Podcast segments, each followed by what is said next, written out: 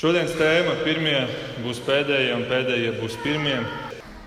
Un es domāju, ka šī ir raksturvieta, kas ir labi piemērota sezonas sākumam, kā, kā Girts pieminēja. Sākās šī jaunā sezona, sākās kaut kas jauns. Un tad um, šis ir tāds varbūt arī pamats, pie kā atgriezties. Arī septembra mēneša lozungs ir tieši šī raksturvieta. Tātad šodienas raksturvieta, par ko es vēlos domāt, ir šī līdzība, kur Jēzus runā par, par vīna dārzu, kur tiek sūtīti strādnieki. Un patiesībā šī raksturvieta, kur arī ģērbs lasīja ievadā, ir kā tāda atbilde tam, kas notika pirms tam, 19. nodaļā. Tur ir tikšanās ar šo bagāto jaunekli, kā jūs zinat, um, ļoti labi droši vien šo stāstu, kur Viņš atnāk un, un viņam Jēzus beigās saka, ka viņš pārdod visu un atsakās no savas bagātības. Un, un šis jauneklis aiziet noskums, jo viņš nav gatavs spērt šo soli, viņš nav gatavs savu bagātību likt Kristū. Un kas notiek pēc tam? Mācekļi to visu redzot, viņi Jēzum jautā, kā ir ar mums? Kā ir ar mums, kuri esam visu šo uh, dzīvi patiesībā nolikuši malā un sekojam tev, un, un kā, ir ar, kā ir ar mums, vai mēs kaut ko dabūsim par to. Un tad šī raksturvieta, šī līdzība ir kā tāda atbilde. Un, un mēs pie, pie tā vēl um, pieķersimies, apskatīsim, kā šīs divas nodaļas iet kopā. Tas, ko es šodien vēlos darīt, es vēlos apskatīt šo līdzību, iziet viņai īsi cauri. Un tad no tās izlobīt kādas trīs mācības, ko mēs varam paņemt katrs sev līdzi. Es aicinu atvērsim Mateja 20, ja jums vēl varbūt ir vaļā. Ja nav, paņemiet Bībeli, ir soli galos un, un atveriet Mateja 20. nodaļu. Un kopīgi vēlreiz iesim cauri šai līdzībai, kurā Jēzus runā par nama saimnieku un vīna dārzu. Tātad kādam vīram pieder vīna dārzs, un viņš agri no rīta dodas nolikt strādniekus. Strādnieks, kuri strādās lai novāktu rāžu šajā vīndārzā. Un eh, tas, ko viņš dara, viņš nolīg strādniekus uz vienu dienu. Tā bija, tā bija populāra prakse to dienu Izrēlā. Tā ir arī joprojām populāra prakse daudzās valstīs, kur cilvēks tiek paņemts uz vienu dienu. Un parasti tie bija drīzāk nabadzīgi cilvēki, kuriem kuri bija tādi kā bezdarbnieki, kurus tad varēja pieaicināti, lai izpildītu kādu konkrētu darbu. Un Mūzes likumā bija minēts, ka šādiem cilvēkiem ir jāizmaksā alga tās pašas dienas beigās. Tātad, lai, lai viņiem nav jāgaida ilgāks laiks, jo viņi ir tik nabadzīgi, ka viņiem principā no rokas viss uzreiz iet mutē. Viņi, viņiem bija ļoti svarīgi, ka viņi šo naudu saņem dienas beigās. Un 5. mūzes 24, 15 stāv rakstīts, tajā pašā dienā dod viņam algu, kamēr saule nav norietējusi, jo viņš ir nabadzīgs un cer uz to no visas dvēseles, ka viņš nebrēc par tevi uz kungu, tas tev būs grēks. Tad šeit ir mūzes likumos dot norādi darba devējiem, kuri nolīgs šādu veidu darbinieku. Un tas, ko saimnieks dara, viņš piedāvā vienu denāriju dienā. Tā tad alga ir viens denārijs. Un tad, kad palasa to, ko teologi raksta, tad, tad šī alga bija ļoti dāsna. Tā bija stipri virs vidējās algas, ko, ko normāli vienas dienas laikā varēja nopelnīt. Tātad nama saimnieks piedāvā ļoti dāsnu algu. Darbs ir vienai dienai. Un viņš kādus nolīgs jau no paša rīta, bet viņam ir vajadzīgi vēl strādnieki. Un tā nu viņš dodas uz tirgus laukumu meklēt vēl papildus spēkus. Un tur viņš atrod cilvēkus, kuri, kā šeit rakstīts, stāv dīkā. Tātad cilvēki, kuri vienkārši stāv tirgus laukumā, viņiem īsti nav ko darīt. Un viņš iet pie šiem cilvēkiem un piedāvā šo dāsno algu. Un viņi, protams, piekrīt un, un dodas strādāt. Un tā šis saimnieks dodas 3. stundā, 6. stundā, 9. stundā un pat 11. stundā. Un šiem pēdējiem 11. stundā ir minēts, ka viņš pat jautā, kādēļ jūs visu dienu stāvat dīkā? Kādēļ jūs visu dienu principā esat nosituši bezjēgā, ja mēs to pārfrāzētu?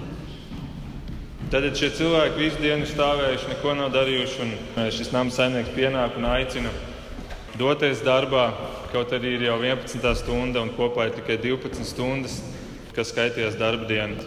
Viņi, protams, piekrīt un viņi dodas darbā. Un tā nu pienāk darba dienas beigas, pienāk vakars, kā šeit minēts, un šis nama saimnieks sūta uzraugu izmaksāt algu šiem strādniekiem. Un tik tālu viss ir puslīdz skaidrs, es domāju. Tātad nama saimnieks ir Dievs, vīna dārzs ir Dieva valstība, tirgus laukums ir pasaule, tur ir strādnieki, kas ir cilvēki, ir stundas, kas ir cilvēka dzīves mūžs, dzīves laiks. Ir vakars, kas ir šīs darbdienas beigas, kas ir mūžība. Tad pienāk cilvēka dzīves beigas un sākas mūžība. Un šis uzraugs ir Jēzus, kurš tiek sūtīts, mēs varam teikt, tiesas dienā un stājas pretī cilvēkam, lai izmaksātu algu. Un tad paliek tikai viens jautājums. Kas ir alga? Kas ir tas viens denārijs? Un principā tas ir visu izšķirošais jautājums, jo alga ir tā, kura šeit nodala šos pirmos no tiem pēdējiem, un kas ir kas ir tā, kas šeit liek kurnēt daļai no šiem strādniekiem. Tas viss ir šīs algas dēļ. Un tā nu uzraugs nostāda visus rindā, un pārsteidzošā kārtā viņš sāk ar pēdējiem. Tātad viņš sāk ar tiem, kuri ir vismazāk nostrādājuši. Un viņš izmaksā viņiem tieši tik, cik viņiem bija solīts, proti, viens denārijs. Tātad vispirms tiem, kuri nostrādājuši vienu stundu, Viņš izmaksā vienu denāriju pilnu algu. Un tā viņš turpina ar tiem, kas ir nostrādājuši ar vien vairāk, ar vien vairāk, līdz beigās, līdz tiem pirmajiem, kur ir pirmie sākuši, kur visu dienu ir nostrādājuši. Un te mēs redzam, ka viņi jūtās, ka viņi ir pelnījuši vairāk. Viņi skatās, ka tie, kur nostrādājuši tik maz, viņi saņem šo pilno algu, šo vienu denāriju. Un viņi cer, ka līdz viņiem atnākot uzraugam, ka viņi saņems vairāk. Un es domāju, protams, cilvēciski mēs to varam saprast. Ne? Es domāju, ka, kad jūs kad dzirdat lasīt šo raksturu, ja jūs klausījāties, jūs iespējams nodomājāt, nu jā, bet kaut kāda taisnība viņiem ir. Ja es būtu viņu vietā, es iespējams rīkotos līdzīgi. Un man kā tēvam, kuram nu, jau ir četri dēli, un kurš audzina savus bērnus, šī tēma ir tiešām ļoti aktuāla. Šī, šī vienlīdzība un kā pareizi sadalīt resursus, kā pareizi konfektes sadalīt un, un visādas citas labumus. Un tur mēs ar sievu esam pa šiem gadiem ļoti iemācījušies strateģiski plānot, ko tu drīksti pateikt, lai nesadomājās par daudz, kā pēc tam sadalīt um, ko varbūt neteikt, lai nerodās, nerodās šī kurnēšana un lai visiem būtu vienādi. Tas ir cilvēciski saprotams. Tā nu šie, kuri visvairāk ir nostrādājuši, viņi arī cer, nu, ka viņi saņems vairāk nekā tie, kur tikai vienu stundu. Un viņiem papildus tam vēl ir diezgan spēcīgi argumenti. Viņi saka, ka viņi ir nostrādājuši ne tikai vairāk, bet viņi ir strādājuši tajā dienas karstumā. Un tie, kas ir bijuši Izrēlā vasaras laikā, it īpaši viņi zina, ka dienas karstumā tur mēdz būt ļoti karsts.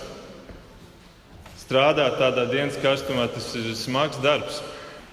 Un savukārt tie, kuri nostādījuši vienu stundu, viņi ir strādājuši tajā patīkamajā brīdī, kad vakars jau tuvojās vienu stundiņu, tīri vai nieks. Un te viņi saka 12. pantā. Šie pēdējie strādāja tikai vienu stundu, bet tu tos esi pielīdzinājis mums, kas visu dienas smagumu un svēlmi esam nesuši. Cilvēciski šķiet ļoti saprotami. Bet ko šis uzraugs atbild viņiem? 13. pantā mēs lasām, bet viņš atbildēja vienam no tiem: Mans draugs, es tev nenodaru pārestību. vai tad tu nevienojies ar mani par denāriju? Un šim uzraugam ir taisnība. Šis strādnieks saņem tik, cik viņi bija vienojušies. Un tad viņš turpina 14. un 15. pantā: Ņem, kas ir tavs, un ej. Bet šim pēdējam es vēlos dot tikpat, cik tev. Vai tad es nedrīkstu darīt ar to, kas ir mans, ko vien gribu? Vai arī tava acis ir skaudīga, ka es esmu labs? Un te ir tā atslēga tam, ko šis uzraugs dara. Viņš nevis šiem pirmajiem kaut ko noņem nost, bet viņš tiem pēdējiem pieliek klāt.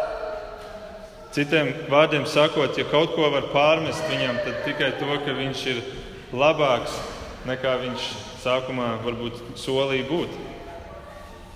Viņš jau ir labs pret pirmajiem, izmaksājot ļoti dāsnu no viena denārija dienā, bet pret pēdējiem viņš izvēlās būt vēl labāks savā, savā ziņā un samaksāt to pašu par mazāk nostādātām stundām.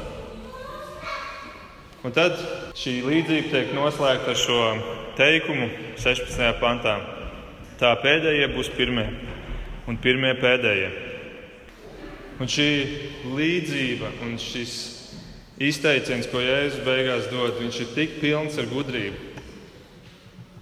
Viņš ir tik pilns ar paradoksiem. Viņš ir tik pilns ar mācībām. Un es vēlos apskatīties trīs mācības. Te ir daudz vairāk, viņš ir daudz dziļāks, bet trīs lietas izlobīt ārā, ko mēs varam paņemt sev līdzi. Pirmā mācība ir par pazemību. Pirmais pamatprincips ir šis. Galu galā sanāk, ka visiem tiek samaksāts vienādi. Galu galā, ja mēs tā paskatāmies vienkārši kā faktu, visi saņem vienādi, visi saņem vienu denāriju. Tas, kas atšķirās, ir ieguldītais laiks. Daži ir vienu denāriju saņēmuši par 12 stundu darbu, citi par vienu stundu darbu. Un te mēs redzam šo pavisam vienkāršo un fundamentālo patiesību, ka, ka viss, kas šeit notiek, ka viss ir dots no žēlastības, nevis no darbiem. Viss tiek dots no žēlastības, nevis no darbiem. Nav svarīgi, vai cilvēks ir ieguldījis vienu stundu vai 11 stundas, vai viņš ir ieguldījis vienu gadu savas dzīves vai 60 gadus kalpošanā. Alga ir visiem vienāda, un tā ir mūžīgā dzīvība Dieva žēlastībā. Tā savā ziņā šis teiciens, pirmie būs pēdējie un pēdējie būs pirmie, nozīmē, ka visi finišē vienādi.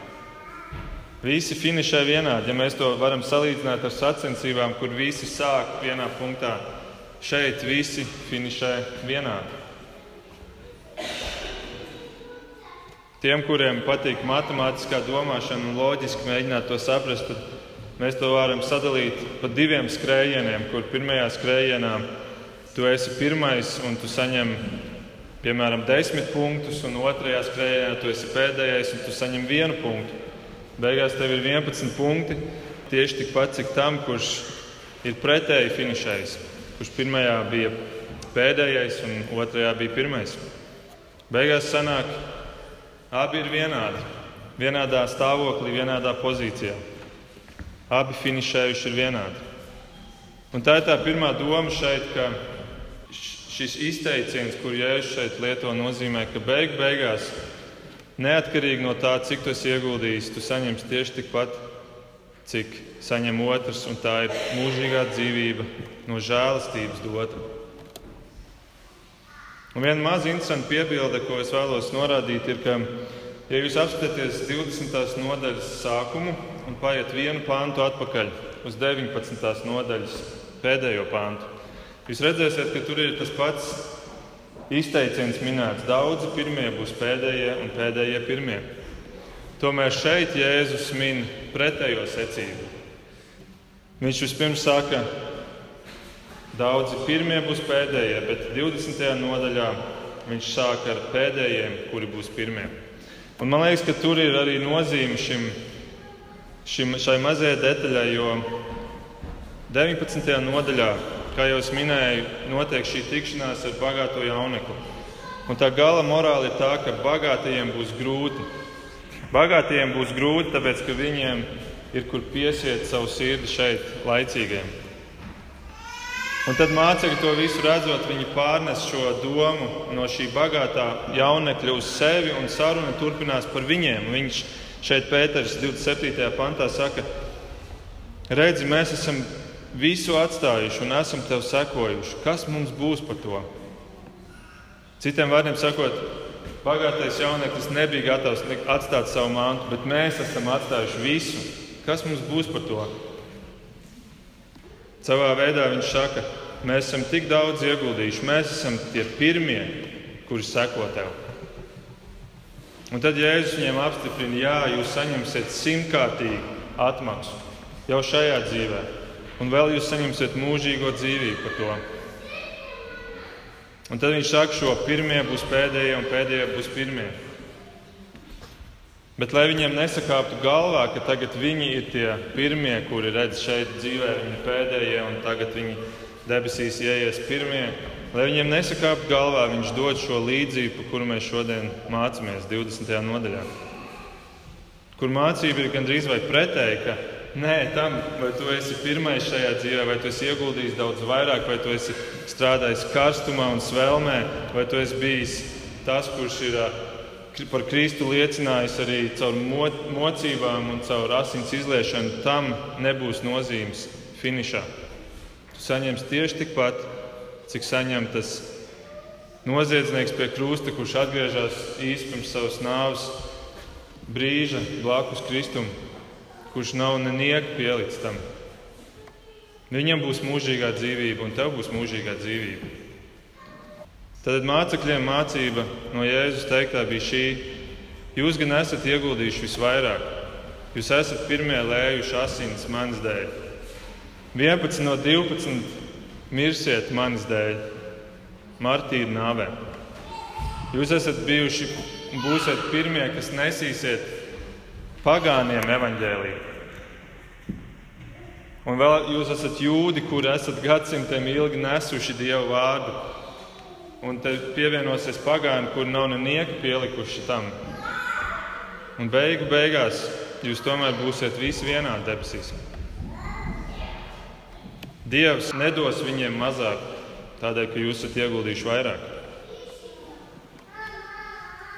Viņi saņems to pašu pamata algu, mūžīgo dzīvību, tāpat kā jūs. Un, ja tā reakcija ir, ka tas nav taisnīgi, Jo, jo man skauž par otru mazāk ieguldīto laiku un pūlēm. Tad jautājums ir, vai es saprotu vispār to, to denāriju, kas man ir ielikts rokā? Vai es to saprotu, vai es saprotu, kas ir šis viens denārijs? Vai es to spēju novērtēt? Vai es saprotu, ka Dievs nevienam neko nav parādā?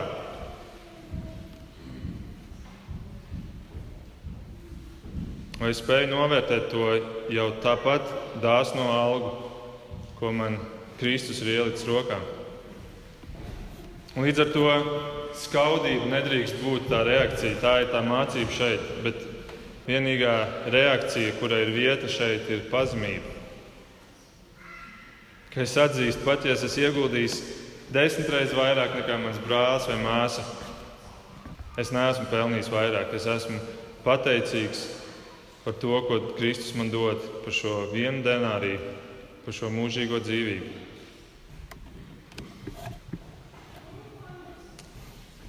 Otrā mācība. Kaut arī mums katram būs vienāda pamata alga, tomēr mums katram būs atšķirīga papildu alga. Izklausās traki. Es paskaidrošu. Kaut arī mēs pirmajā punktā secinājām, ka mēs visi beigās finišēsim vienādi. Tomēr būs atšķirības tam, kāds būs mūsu status debesīs. Nebūs dažādi līmeņi kristiešiem, bet būs dažādi uzdevumi, kuri mums tiks uzticēti.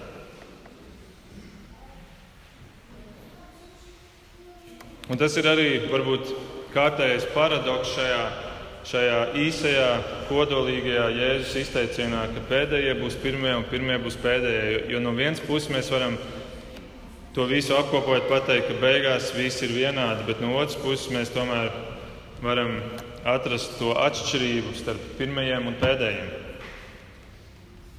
Tā pamata alga būs visiem vienāda. Mēs to varam saukt par minimālo algu. Tā visiem būs vienāda. Un tomēr katram būs atšķirīga, atšķirīgs atalgojums mūžībā, kas nebūs atkarīgs no laika patēriņa, kas nebūs atkarīgs no ieguldītās kvantitātes, bet kas būs atkarīgs no, tā, no tās kvalitātes mūsu darbiem un no tās sirds stāvokļa, ar kādu mēs to veicam. Citiem vārdiem sakot, nevis ieguldītais laiks kalpošanā krāja mums algu debesīs, bet pazemīgais sirds stāvoklis. Un tātad otrā mācība ir, ka mums katram tomēr būs atšķirīgs atalgojums. Pamatā alga ir viena, bet katram būs savs atalgojums, kas gan ir citādāks nekā mēs to iztēlojamies varbūt šajā dzīvē. Jo mēs domājam par mantu, par naudu, par ērtībām, par kaut kādu statusu, slavu šeit virs zemes. Bet debesīs tam būs garīga vērtība. Mēs varbūt to varam salīdzināt ar tādu kā, piemēram, apbalvojumu, ko bērns saņem. Pieņemsim medaļu bērnībā par kādu sporta pasākumu. Un šai pašai medaļai nav vērtības. Ja paiet 30 gadi, tai medaļai nav vērtības kā priekšmetam. Bet tā vērtība ir tajā notikumā, Tur ir tā vērtība un, un, un šī alga debesīs, kas mums būs, es ticu, būs, būs ar šādu veidu vērtību. Tātad katram būs sava alga, un es iziešu cauri dažām raksturvietām, lai, lai apskatītu, apskatītos šo domu no dažādiem skatu punktiem. Pirmā raksturvieta ir Pāvila pirmā vēstule korintiešiem.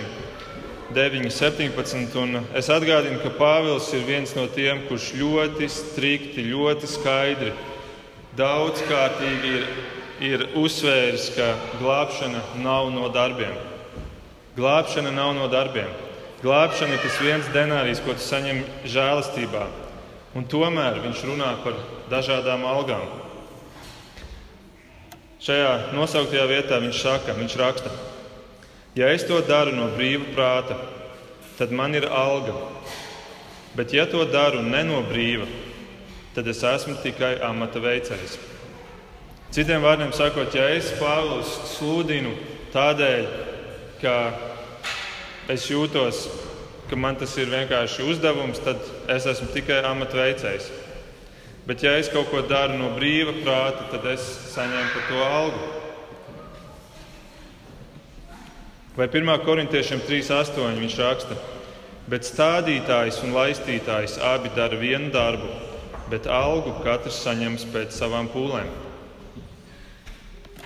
Mēs zinām, ka šajā dzīvē mēs nevienmēr saņemam tūlītēju atalgojumu tam, ko mēs darām. Mēs nevienmēr redzam augļus pat visu savas dzīves laikā. Būs kādas lietas, kuras mēs uzzināsim tikai debesīs. Un, un līdz ar to šīs šeit minētās algas var būt gan laicīgās, bet viņas var būt arī mūžīgās. Kad Jēzus pieskarās šai tēmai, viņš pasaka jau skaidri, ka algu var krāt debesīs un ka viņu vajag krāt mūžībā. Mateja 6. viņš Kalnu svētdienā saka, labi zināmos vārdus: nekrājiet sev mantas virs zemes, kur kodas un rūsa tās maitā, un kur zāģi roku un zog, bet krājiet sev mantas debesīs, kur ne kodas, ne rūsa tās nemaitā, un kur zāģi neroku un nezog. Mantu krāšanai debesīs pamatdoma ir, ka tu šīm mantām kādreiz tiksi klāt. Te nav runa par to, ka tu viņus vienkārši aizmet prom un tu nezini, kas viņam notiks. Tu viņus krāji debesīs. Līdz ar to šāda veida alga nav attiecināma uz laicīgo dzīvi šeit uz zemes, bet, bet mūžībā. Un Jēzus vienā rakstvietā, Mateja 10, min vienā pantā trīs dažādas algas. Viņš saka, ka Kas uzņem pravieti praviešu vārdā, tas saņems pravieša algu. Kas uzņem taisno taisnā vārdā, tas saņems taisnā algu. Un kas padzirdīs vienu no šiem vismazākajiem ar biķeri augstu ūdens vien tādēļ, ka to sauc māceklis, tam viņa alga nezudīs. Un vēl, vēl mēs Bībelē redzam, ka ir minēti pieci kroņi, kurus saņems tas, kurš nonāks debesīs. Es par viņiem nerunāšu, tā ir varbūt tēma atsevišķai svētdienai. Bet šiem kroņiem, par šo algu, kuru mēs saņemsim kā papildus tam, kas ir mūžīgā dzīvība, par to brīdi Kristus soļa krēsla priekšā, šis brīdis, kur mēs stāsimies viņa priekšā. Par to Pāvils vēl raksta 1. korintiešiem 3. Un es vēlos nolasīt sešus pāntus, tā kā jūs varat vienkārši ieklausīties. Es iestādīju, Apols aplaistīja, bet Dievs audzēja. Tā ka nec stādītājs ir kaut kas, nec laistītājs, bet gan Dievs, kas audzē. Bet stādītājs un laistītājs abi dara vienu darbu, bet algu katrs saņems pēc savām pūlēm. Jo mēs esam Dieva darba biedri. Jūs esat Dieva aramais tīrums, Dieva celtne. Pēc man dotās Dieva žēlastības es kā gudrs namdars esmu ielicis pamatus, bet cits uz tiem būvē. Un katrs pats lai raugās, kā viņš būvē. Citu pamatu neviens nevar likt, kā vien to, kas jau ir likts, un tas ir Jēzus Kristus. Tad šeit mēs redzam, ka Kristus ir pamats. Viņš ir mūzi, mū, arī mūsu mūžīgā pamatālga, mūžīgā dzīve. Bet uz šī pamata var celt un būvēt, un par to cilvēks saņem algu, kā Pāvils šeit min. Un tad viņš turpina. Ja kāds ceļ uz šā pamata no zelta, sudraba, dārgakmeņiem, vai arī no koka, siena vai salmiem, ikviena darbs kļūs redzams. Tā diena to parādīs. Jo tas tiks atklāts ugunī, un kāds ik viena darbs būs bijis, to uguns pārbaudīs. Ja kāds darbs, ko tas uzcēlis, paliks, viņš saņems algu. Ja kāda darbs sadegs, viņš cietīs, tomēr tiks izglābts, bet kā caur uguni. Tad mēs redzam, par katru darbu mēs dosim norēķinu. Glābšana būs dota žēlastībā un ne caur darbiem, bet, bet darbi tiks vērtēti un katrs darbs, vienalga vai labs, vai slikts, vai bezjēdzīgs, derīgs vai nederīgs, tie visi tiks vērtēti. Un kādi um, savā teoloģijā māca, ka šī pārbaude ir purgatorija, kur tu pēc tam vari vēl pēc šīs dzīves nodzīvot šķīstītavā gadiem ilgi, kamēr tu atstrādā šo, šo sliktos darbus un to sodu, un ka tā ir tā uguns un ka tad pēc tam tu nonāc debesīs. Bet uh, nekur citur šāda teoloģija netiek Bībelē apstiprināta. Un, um, mēs šeit varam teikt, ka tas ir Dieva soļa krēsla priekšā, kur mēs atskaitīsimies par katru darbu. Un mēs zinām, ka citur arī rakstīts par katru lieku vārdu. Mums būs jānes atbildība. Tad mēs redzam, kā jau šodienas līdzība atklāja, ka šeit nav runas par kvantitāti. Šeit nav runas par to, cik daudz tu būsi izdarījis, bet šeit tiks vērtēta kvalitāte tavam darbam. Vai tas pastāvēs dieva ugunī, vai tas būs celts un veidots no materiāla, kas ir īsts un patiess, vai tomēr tie būs tikai salmi, kuri sadegs. Nozīmes nav gados, cik tu esi ieguldījis kalpošanā, bet nozīme ir tavam sirds stāvoklim, ar kādu tu to dari. Tas, vai būs derīgs vai nederīgs, to noteiks tava motivācija, kādēļ tu to darīji. Vecajā derībā Jeremija 17.10. Dievs par šo runā, sakot, Es, kungs, es caurskatu prātus, es pārbaudu sirdis un dodu ikvienam pēc viņa augļiem, pēc viņa darba augļiem. Dievs pārbauda sirdis, viņš pārbauda kādu motivāciju tu dari to darbu. Nevis gadi, bet kvalitāte būs tas noteicošais. Tātad otrā mācība, jā, būs algas debesīs. Un tās tiks piešķirtas pēc tava sirds prāta, pēc taviem sirds motīviem, ar kādiem tu dari to kalpošanas darbu šeit uz zemes. Kā jau minēju, ne dažādi kristiešu vai ticīgo līmeņi debesīs, bet atšķirīgi uzdevumi. Un 19. Nodaļā, tātad pirms tās nodaļas, kur mēs lasījām par šo līdzību, Jēzus arī saka mācekļiem, ka Jūs sēdēsiet uz 12 troņiem, un jūs tiesāsiet 12 Izraēlu ciltis. Viņiem būs savi uzdevumi.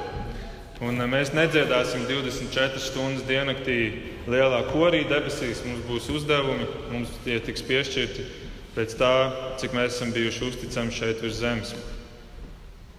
Un tādēļ ir jēga strādāt un ir jāstrādā.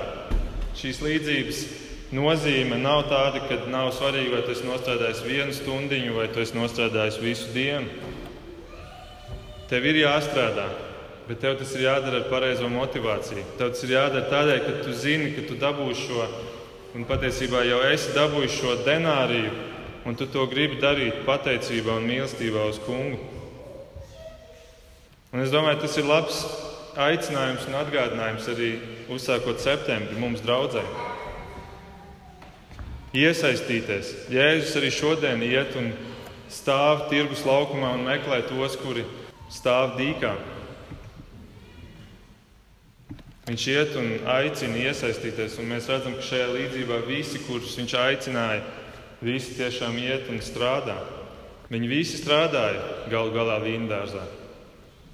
Viņi visi novāc ražu, un Bībelē ražas novākšana tiek vienādota ar garīgo darbu, ar evanģelizāciju. Likt lietā savus talantus, savus resursus, nevis tikai dzīvošanai sev, bet, bet kalpošanai. Bet vienlaikus arī neuzņemties par daudz, jo, kā jau es esmu teicis, svarīga nav kvantitāte, bet kvalitāte. Jāmāk ir pateikt nē, bet tur, kur tu pateiksi jā, un es ticu, ka tu pateiksi jā, tad tur tu ej un dari ar, ar patieso sirds motivāciju. Tātad pirmā mācība bija pazemība. Otrā mācība ir, ka, ka mums būs atšķirīgas algas, un trešā mācība ir, ka būs pārsteigumi. Šī raksturvieta ietver sevi vēl šo, es pat teiktu, skarbo patiesību, ka debesīs būs pārsteigumi. Debesu vērtību, vērtību sistēma būtiski atšķirās no šīs pasaules vērtību sistēmas. Tie, kas ir šeit augsti celti, augsti atzīti, tur var nespēlēt nekādu lomu. Un tie, kurš šeit klusībā strādā un ar pareizo sirds motivāciju dara savu darbu, tie varbūt tur būs pirmie. Nonākot debesīs, es ticu, to dienu būs daudz pārsteigumu. Un šodien ir vakarēdienas, šodien mēs arī nāksim pie Dieva galda, un vakarēdienas ir iecelts tieši ar šo nozīmi, ar šo mērķi, ka tu pārbaudi sevi. Un es aicinu to arī darīt šodien, noslēdzot ar šo pēdējo domu. Jo šiem pirmajiem un pēdējiem šai šim izteicienam, kuru Jēzus lieto četrās vietās Bībelē. Viņš lieto viņu arī Lūkas evanģēlijā, 13. nodaļā. Bet tur ir viena būtiska atšķirība, un tā atšķirība ir tā, ka šeit būt pēdējam var nozīmēt nebūt vispār debesīs. Te vairs nav runas par to, vai tu būsi ar augstākiem uzdevumiem vai mazākiem, bet šeit tas var nozīmēt, ka tu vispār tur nebūsi. Un es vēlos šo raksturvietu nolasīt. Un uh, es aicinu, ka mēs katrs pārbaudām sevi šīs, šīs Jēzus um, sarunas arī gaismā. Lūkas 13, 22 līdz 30. Viņš mācīdams pārsteigāja pilsētas un ciemus, ejot ceļā uz Jeruzalemi. Kāds viņam jautāja, vai tikai nedaudz tiks izglābti? Viņš tiem atbildēja: Cīnieties, ieiet pa šauriem vārtiem, jo es jums saku, daudz cīnīsies, ieiet, bet nespēs. Ja jūs tikai tad, kad nama saimnieks piecelsies un durvis aizslēgs, ārpusē stāvēdami, sāksiet klauvēt pie durvīm un teikt: Kungs, atver mums! Viņš jums atbildēs: Es jūs nepazīstu un nezinu, no kurienes jūs esat. Tad jūs teiksiet, mēs kopā ar tevi ēdām un dzērām, un tu mūs mācīji ielās. Un viņš jums atbildēs: Es nezinu, no kurienes jūs esat. Atkāpieties no manis, jūs visi ļauna darītāji. Tur būs vaimanas un zobu griešana. kad jūs redzēsiet Ābrahāmu, un Īzāku un Jāekabu un visus praviešus Dieva valstībā, bet sevi pašus izmestus ārā. Un tie nāks no austrumiem un rietumiem, no ziemeļiem un dienvidiem, un apsēdīsies pie galda Dieva valstībā. Redzi, ir pēdējie, kas būs pirmie, un pirmie, kas būs pēdējie. Un šī raksturvieta runā par to, ka nāks daudzi citi, kuri viņiem to dienu likās, viņiem nekad mūžā nebūtu vieta pie dieva galda, bet viņi nāks un viņi tur būs. Un tu stāvēsi ārā, tu, kuram likās, ka tu esi to pelnījis. Un tas būs tavs dzīves lielākais pārsteigums. Un tāpat ir ar mums, kristiešiem. Mēs, ir cilvēki, kuri gadiem ilgi sēž baznīcas solos, kuri ir gadiem ilgi kalpojuši draudzē, bet viņiem tas viss ir bijis par kvantitāti. Bet te nav runas par kvantitāti. Un tādēļ es aicinu, ka mēs pārbaudām šo vienu denāriju, kas mums ir dots jau, ko Kristus mums ir solījis. Ko viņš nozīmē mums? Un šī pēdējā vieta, ko mēs lasījām, parāda ļoti skaidri, ka ir viena lieta pateikt, es pazīstu Kristu, es pazīstu Kristu. Bet tas svarīgākais jautājums ir cits. Vai Kristus pazīst mani? Vai Kristus pazīst mani? Un tā nu tas šodienas stāsts ir, vai es novērtēju dāsno algu, kas man ir dota, un vai es pazemīgā esmu pateicīgs par to, kas man ir dots, un vai es esmu gatavs iet un strādāt, apzinoties, ka man būs jānes norēķins par katru manu dzīves darbu, par katru stundu, dienu, kas ir nodzīvota. Un vai Kristus pazīst mani? Vai Kristus pazīst mani? Es aicinu, pārbaudīsim to šodien. Lūksim Dievu. Mīļais kungs, paldies par tavu vārdu. Paldies, Jēzu, ka tu spēji izteikties tik īsi un kodolīgi, un ka katrs tavs vārds nes tik dziļu nozīmi, tik lielu gudrību. Paldies, ka lasot tavu vārdu, mēs redzam apliecinājumu pēc apliecinājuma, ka to nekad mūžā nebūtu varējis sarakstīt cilvēks. Tas ir tik savīts ar paradoksiem un ar tik skaistu, dziļu gudrību. Paldies, Kungs, ka mēs drīkstam strādāt. Paldies, ka Tu esi mūs aicinājis savā darbā. Paldies, Kungs, ka mēs saņemam algu žēlastībā. Un palīdz kaut, kaut mēs tiešām tajā tiesas dienā stāvot pie tevis, ka mēs varētu saņemt šo mūžīgo dzīvi. Lūdzu, palīdz katram, kas ir šodien šeit, pārbaudīt šo, vai tu pazīsti mani. Un, kungs, iet arī un kalpo tev ar pareizo sirds motivāciju, nevis savas slavas dēļ, nevis baiļu dēļ, ka man vajag Dieva priekšā būt aktīvam, bet darīt to pateicībā un, un arī mīlestībā uz līdzcilvēkiem, kuriem tava gaisma ir vajadzīga. Es to lūdzu mūsu visu vārdā, es to lūdzu Jēzus vārdā. Amen!